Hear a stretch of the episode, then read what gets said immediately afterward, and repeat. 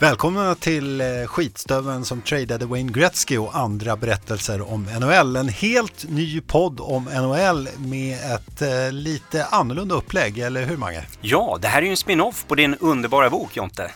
Just det, det som också heter just skitstöven som tradade Wayne Gretzky och andra berättelser om NHL. Och tanken med eh, podden, precis som med boken, är att gå bakom rubrikerna på världens bästa hockeyliga. Berätta de där historierna som man inte läser dem på, på sportsidorna och hör dem i den dagliga rapporteringen, eller hur? Exakt, det är sånt jag gillar själv. Att få lite djupare inblick, veta lite mer. Vad var det egentligen som hände? Ja, historiska händelser, anekdoter och eh, bra spännande berättelser. Just det.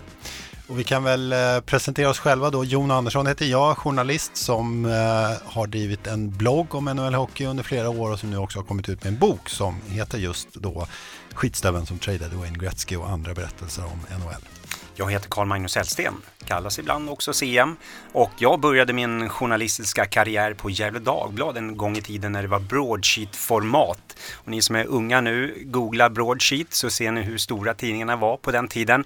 Och en del av eh, utrymmet fyllde jag med att skriva kröniker om NHL. Och I det här avsnittet kommer vi ägna oss åt Minnesota Wild. Eh, ett lag som inte funnits i ligan sådär eh, jättelänge. Nej, det stämmer bra det. Och vi ska ju också påminna dig som lyssnar att vi fokuserar på perioder. Vi siktar på 20 minuter, ett avsnitt vår mål är att avsnittet ska vara 20 minuter, men är det tillräckligt spännande, då kan det precis som i ishockey bli overtime. Precis, och det är för att man ska kunna lyssna på det här på eh, bussresan hem, eh, kanske från jobbet eller ishallen. Eh, och det ska liksom vara lite lagom långt helt enkelt. Men det kan bli overtime och som vi alla som följer NHL vet ju att en overtime kan ju hålla på hur länge som helst. Oändligt. Då kör vi! Det gör vi! Minnesota Wild, börja, berätta. Vad, vad, vad är det som är så speciellt med den här klubben? Tänk dig att Luleå Hockey, två år efter en SM-final, bestämmer sig för att helt enkelt flytta klubben till Lissabon. Från en bygd där hockey är religion till en plats där invånarna tror att icing, ja det är en drink. Vardag för fansen i NHL. Det här drabbade Minnesota North Stars från Stanley Cup-final i The State of Hockey till flytt till Texas på två år. Och vi ska väl säga det då för er som kanske inte har koll på exakt hur det funkar i amerikansk sport så kan man säga det att eh, amerikanska eller nordamerikanska lag är ju mer som företag. Alltså om, om det inte går tillräckligt bra på en ort då kan man flytta det ungefär som en, ett industriföretag. Och det var precis det som hände med Minnesota. Ni kan också lyssna på avsnittet om Ottawa Centers där vi gräver lite djupare just i andra flyttar. Men eh, det här avsnittet ska handla framförallt om Minnesota och deras flytt. Hur traumatiskt var den här flytten? För du har ju ändå du har bott i Minnesota så du vet ju en hel del del om, om hur det kändes när det här hände? Nej men alltså det, det här var ju en chock. Det var dramatiskt. Eh, och om man blickar tillbaka så borde kanske alla ha börjat ana oråd redan dagarna efter finalförlusten 1991. Just det, kan du berätta lite om den bara? Vad var det då? De... Ja, men det var så här. Eh, efter att de hade eh, gjort en eh, Cinderella story, Askungesaga, tagit sig till Stanley Cup-final. Minnesota North Stars pratar Exakt, om nu alltså. det gamla. Ja, det. det. som idag är Dallas Stars. Just det. De gick till Stanley Cup-final, förlorade den, match 6 på hemmaplan. Dagen efter så samlades 7000 åskådare i arenan Met Center för att hylla spelarna. Och jag var faktiskt en av dem som var där, satt på läktaren. Eh, Hur var det? Ja men det var ju mäktigt. Eh, jag hade ju missat eh, finalerna för jag kom till Minnesota precis efter sista matchen. Eh, och på den här tiden kunde man inte se matcherna på direktsänd tv här i Sverige. Så man följde dem resultatet i tidningen, papperstidningen då. Det var, men det var, något, det var något speciellt med den här ceremonin också. För det var no, no, någonting eh, med, med klubbmärket och någonting med klubben som hade ändrats. Vad var det? Precis. Det är där jag menar att man borde ha anat oråd. För eh, Minnesota North Stars, de, när de grundades så hade man ett N med en stjärna ovanför. Eh, det, det, är en, ett ikoniskt klubbmärke. Plötsligt på den här scenen så hade man bytt bort loggan, gjort en ny logga. Och det är inget fel att uppdatera en logga, lite modernare touch. Men North var struket. Det var bara ett guldfärgat Stars som spelarna då kom in genom. Eh, och här kanske alla fansen förmodligen var förblindade av framgången. Man var i det här ruset fortfarande. För i ärlighetens namn så var säsongen 1990-91 länge ingen höjdare, långt därifrån. Och till öppningsmatchen kom det knappt 5000 åskådare. Hur kommer det sig då? Vi pratar ändå om the state of hockey. Det här ska vara den stat i hela USA där man är mest hockeyintresserad och bara 5000. Jättebra fråga.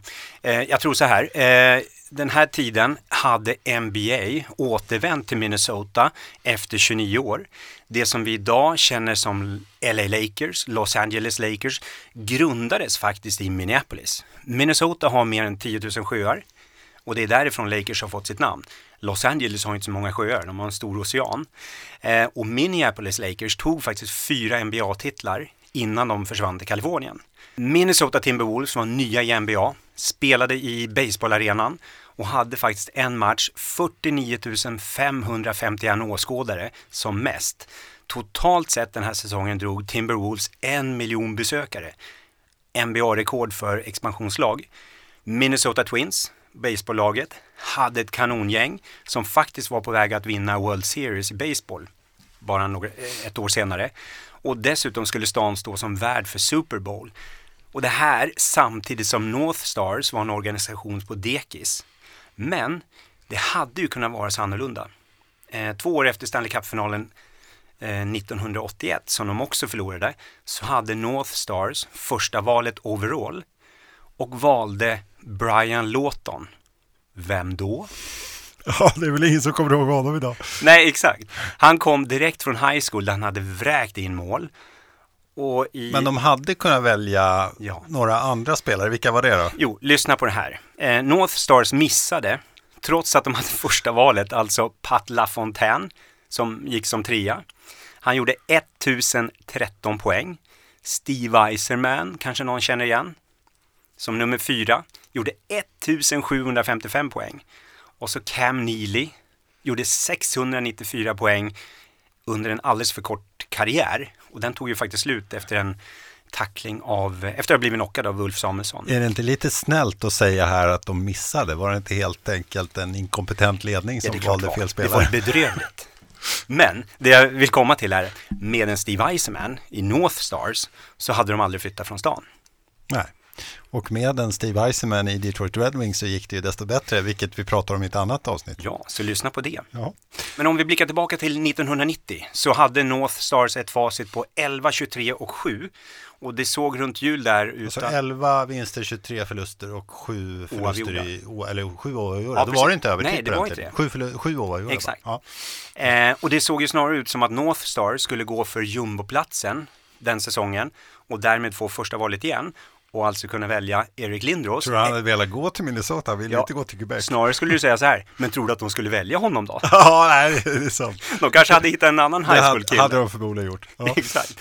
Men vid nyår vände det. General managern Bobby Clark. Alltså gamla storspelaren från Philadelphia. Jajamän. Värvade in nyckelspelare som Bobby Smith och Brian Propp och färske coachen Bob Gainey, legendar i Montreal. Han började liksom hitta rätt i formationerna Eh, North Stars tog sig till slutspel. Men där väntade rivalerna Chicago Blackhawks som vunnit President's Trophy. Och vilka är det som får den? Ja, det är ju grundseriens bästa lag, de som får flest poäng under grundserien. Precis. Minnesota slog ut Chicago. Jätteknall. I runda nummer två, St. Louis Blues. Grundseriens näst bästa lag. Exakt. Vilka vann där? Minnesota. Precis. Ni ser var det här börjar komma. Och plötsligt eh, så väntade då i semifinalen regerande mästarna Edmonton Oilers, och de ska man väl ändå inte kunna slå. De har ju ändå världens bästa spelare i sitt lag. Exakt. Men... I alla fall de flesta av dem. Det var efter Gretzky hade gått. Ja, det var ju. Ja, Precis. Men Messier var kvar va? Jajamän. Ja. Och det spelar ju ingen roll. Minnesota vann igen. Och plötsligt väntade alltså en Stanley Cup-final för North Stars tio år efter det senaste besöket. Men det slutade inte så bra. Nej, det blev ju ett rejält antiklimax. Förlust 0-8 i match 6. på hemmaplan. Jag kommer ihåg det där. Det var nämligen en, bara en utvikning här. Men det, var, det, det är en av de första NHL-matcherna jag minns. Jag minns att jag hade spelat in den här på video och satt uppe och, eller satt och tittade på den liksom på, på dagen då efter. Och, ja, det är underbart. Eh, såg för det ska vi säga också, det kommer säkert en, något framtida avsnitt att handla om, men Pittsburgh Penguins hade ju ett fantastiskt lag då med Mario Lemieux i spetsen. Eh, men, men det är klart, det i Minnesota-hjärtat så sved ju förstås den här förlusten. Det gjorde det. Jag kommer ihåg att lokaltidningen Star Tribune hade rubriken 8-0 no som rubrik. Ja, det säger väl allt. Men du, och jag förstår så bara några dagar efter den här eh, förlusten, då fick du träffa en av eh, de stora stjärnspelarna i, Minnesota, Ulf Dahlén. Hur sjutton gick det där till? Ja, det är en bra fråga. Det var an andra tider på den tiden, eh, långt före mixade zoner och presskontakter och agenter. Eh, jag var ju journalistiskt intresserad, höll på att frilansa åt lokaltidningen Gefle Dagblad hemma eh, sa till sportchefen Keb Eriksson. Vi kanske ska berätta också att du var bara 16 år. Det var ju inte så att du var, var liksom någon sån här frilansjournalist utan du var liksom en, en, en vanlig liksom, eh, gymnasiestudent som eh, var intresserad av, av hockey och skriva om det, eller hur? Ja men exakt. Eh, så att jag eh, hörde helt enkelt av mig eh, till Minnesota North Stars kansli. Ringde upp och sa att jag var journalist från Sverige och ville gärna göra en intervju med Ulf Dahlén. De gav mig numret och adressen så jag och min far åkte till Uffe Dahléns hus på Xavier Court i Minneapolis-förorten Bloomington. Eh, jag gjorde intervjun eh, utanför kåken och eh, pappa tog en bild och det här hamnade i, reportaget hamnade då i Gefle Dagblad, en hel sida om Uffe Dahlén. Var han trevlig? Supertrevlig, kanonkille, verkligen. Så då har man ju följt honom extra noga under karriären efter Har du det läst artikeln eh, på senare år? Det har jag faktiskt gjort. Är du nöjd med den fortfarande? Ja, det, fa det fanns utvecklingspotential. okay, men, men det var långt. Men ändå. Ändå, eh, exakt. Kanske en av dina största intervjuer än idag? Ja, men det är det. Ja. Absolut. Och den fick du göra som 16-åring. Det var, det var inte dåligt. Nej, den, den, var, den var fin. ja. Den går in på topplistan. Ja. Men ska vi backa tillbaka då bara för att liksom, vad hände sen? Jo, 9 juni 1993 gick flyttlasset till Texas och Dallas Stars var fött. Eh, ägaren av North Stars blev ju givetvis Minnesotas mest hatade man och döptes snabbt om till Norm Greed. Eh, Norm Green hade gjort sig en förmögenhet genom att driva shoppingcenter i Calgary.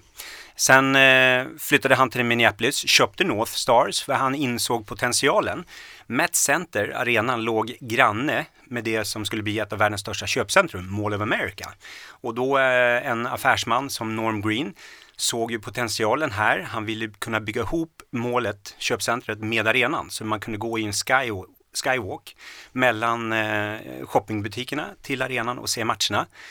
Eh, men det här fick nobben, han fick inte genomföra det. Och faktiskt här ska jag slänga in en grej till Minnesota Wild idag, apropå köpcentrum. De har faktiskt byggt om ett före detta mål i St. Paul eh, som nu används som deras träningsanläggning. Så det finns en koppling även där. Men då Norm Green hade dessutom eh, blivit stämd för flera sexuella trakasserier i Minnesota och han ville helt enkelt bort. Så hela den här våren, då reste han runt i USA för att försöka hitta ett nytt hem för Stars, eller North Stars. Han åkte till Anaheim, han åkte till Miami, men till slut landade han i Dallas. Eh, 10 mars 1993 kom beskedet och den dagen har, har det aldrig varit så kallt som i Minnesota just där och då. Eh, den måste jag säga, efter att ha bott ett år i Minnesota, det här är en riktig frysbox och delstaten har faktiskt smeknamnet Minnesota på grund av sina kalla snörika vintrar. Hur mycket har det där klimatet att göra med att, att hockey är stort? Ja, men det, det har ju allt med det. Eh, dels att det finns ett grundmurat intresse, men också att hockeyn kan ju spelas precis överallt. Så fort eh, naturisarna fryser så pluggar man upp rinkar och går ut och lirar, latchar, har roligt, leker, spontanspelar ishockey. Mm. High school-mästerskapet i Minnesota drar 18 000 åskådare. Eh, och här, i den här delstaten, plötsligt fanns inte NHL kvar. Det måste ju varit väldigt eh, sorgligt. Det var ju traumatiskt. Sorgligt, snöpligt, onödigt. Eh, och North Stars övergivna ishall skulle, när laget hade lämnat då, jämnas med marken för att bli parkeringsplatser till det här köpcentret Mall of America. Och du, du har med dig ett, ett vykort här i studion. Ja, men... Eh, vad, kan du berätta, vad är det på det Jo, men jag har ju det. Det är fyra bildrutor. Eh, först före sprängningen, och sen får man eh, inblickar i hur sprängningsproceduren gick. För det gick inte så bra? Nej, det gjorde ju inte det. Det här var alltså Lucia-dagen 1994. Det var D-Day i Minnesota, Demolition Day. Massor av dynamit eh, användes. Arenan sprängdes i livesänd eh, lokal-tv. Men det föll ändå inte ihop. Trots att man använde så mycket dynamit så vägrade arenan falla.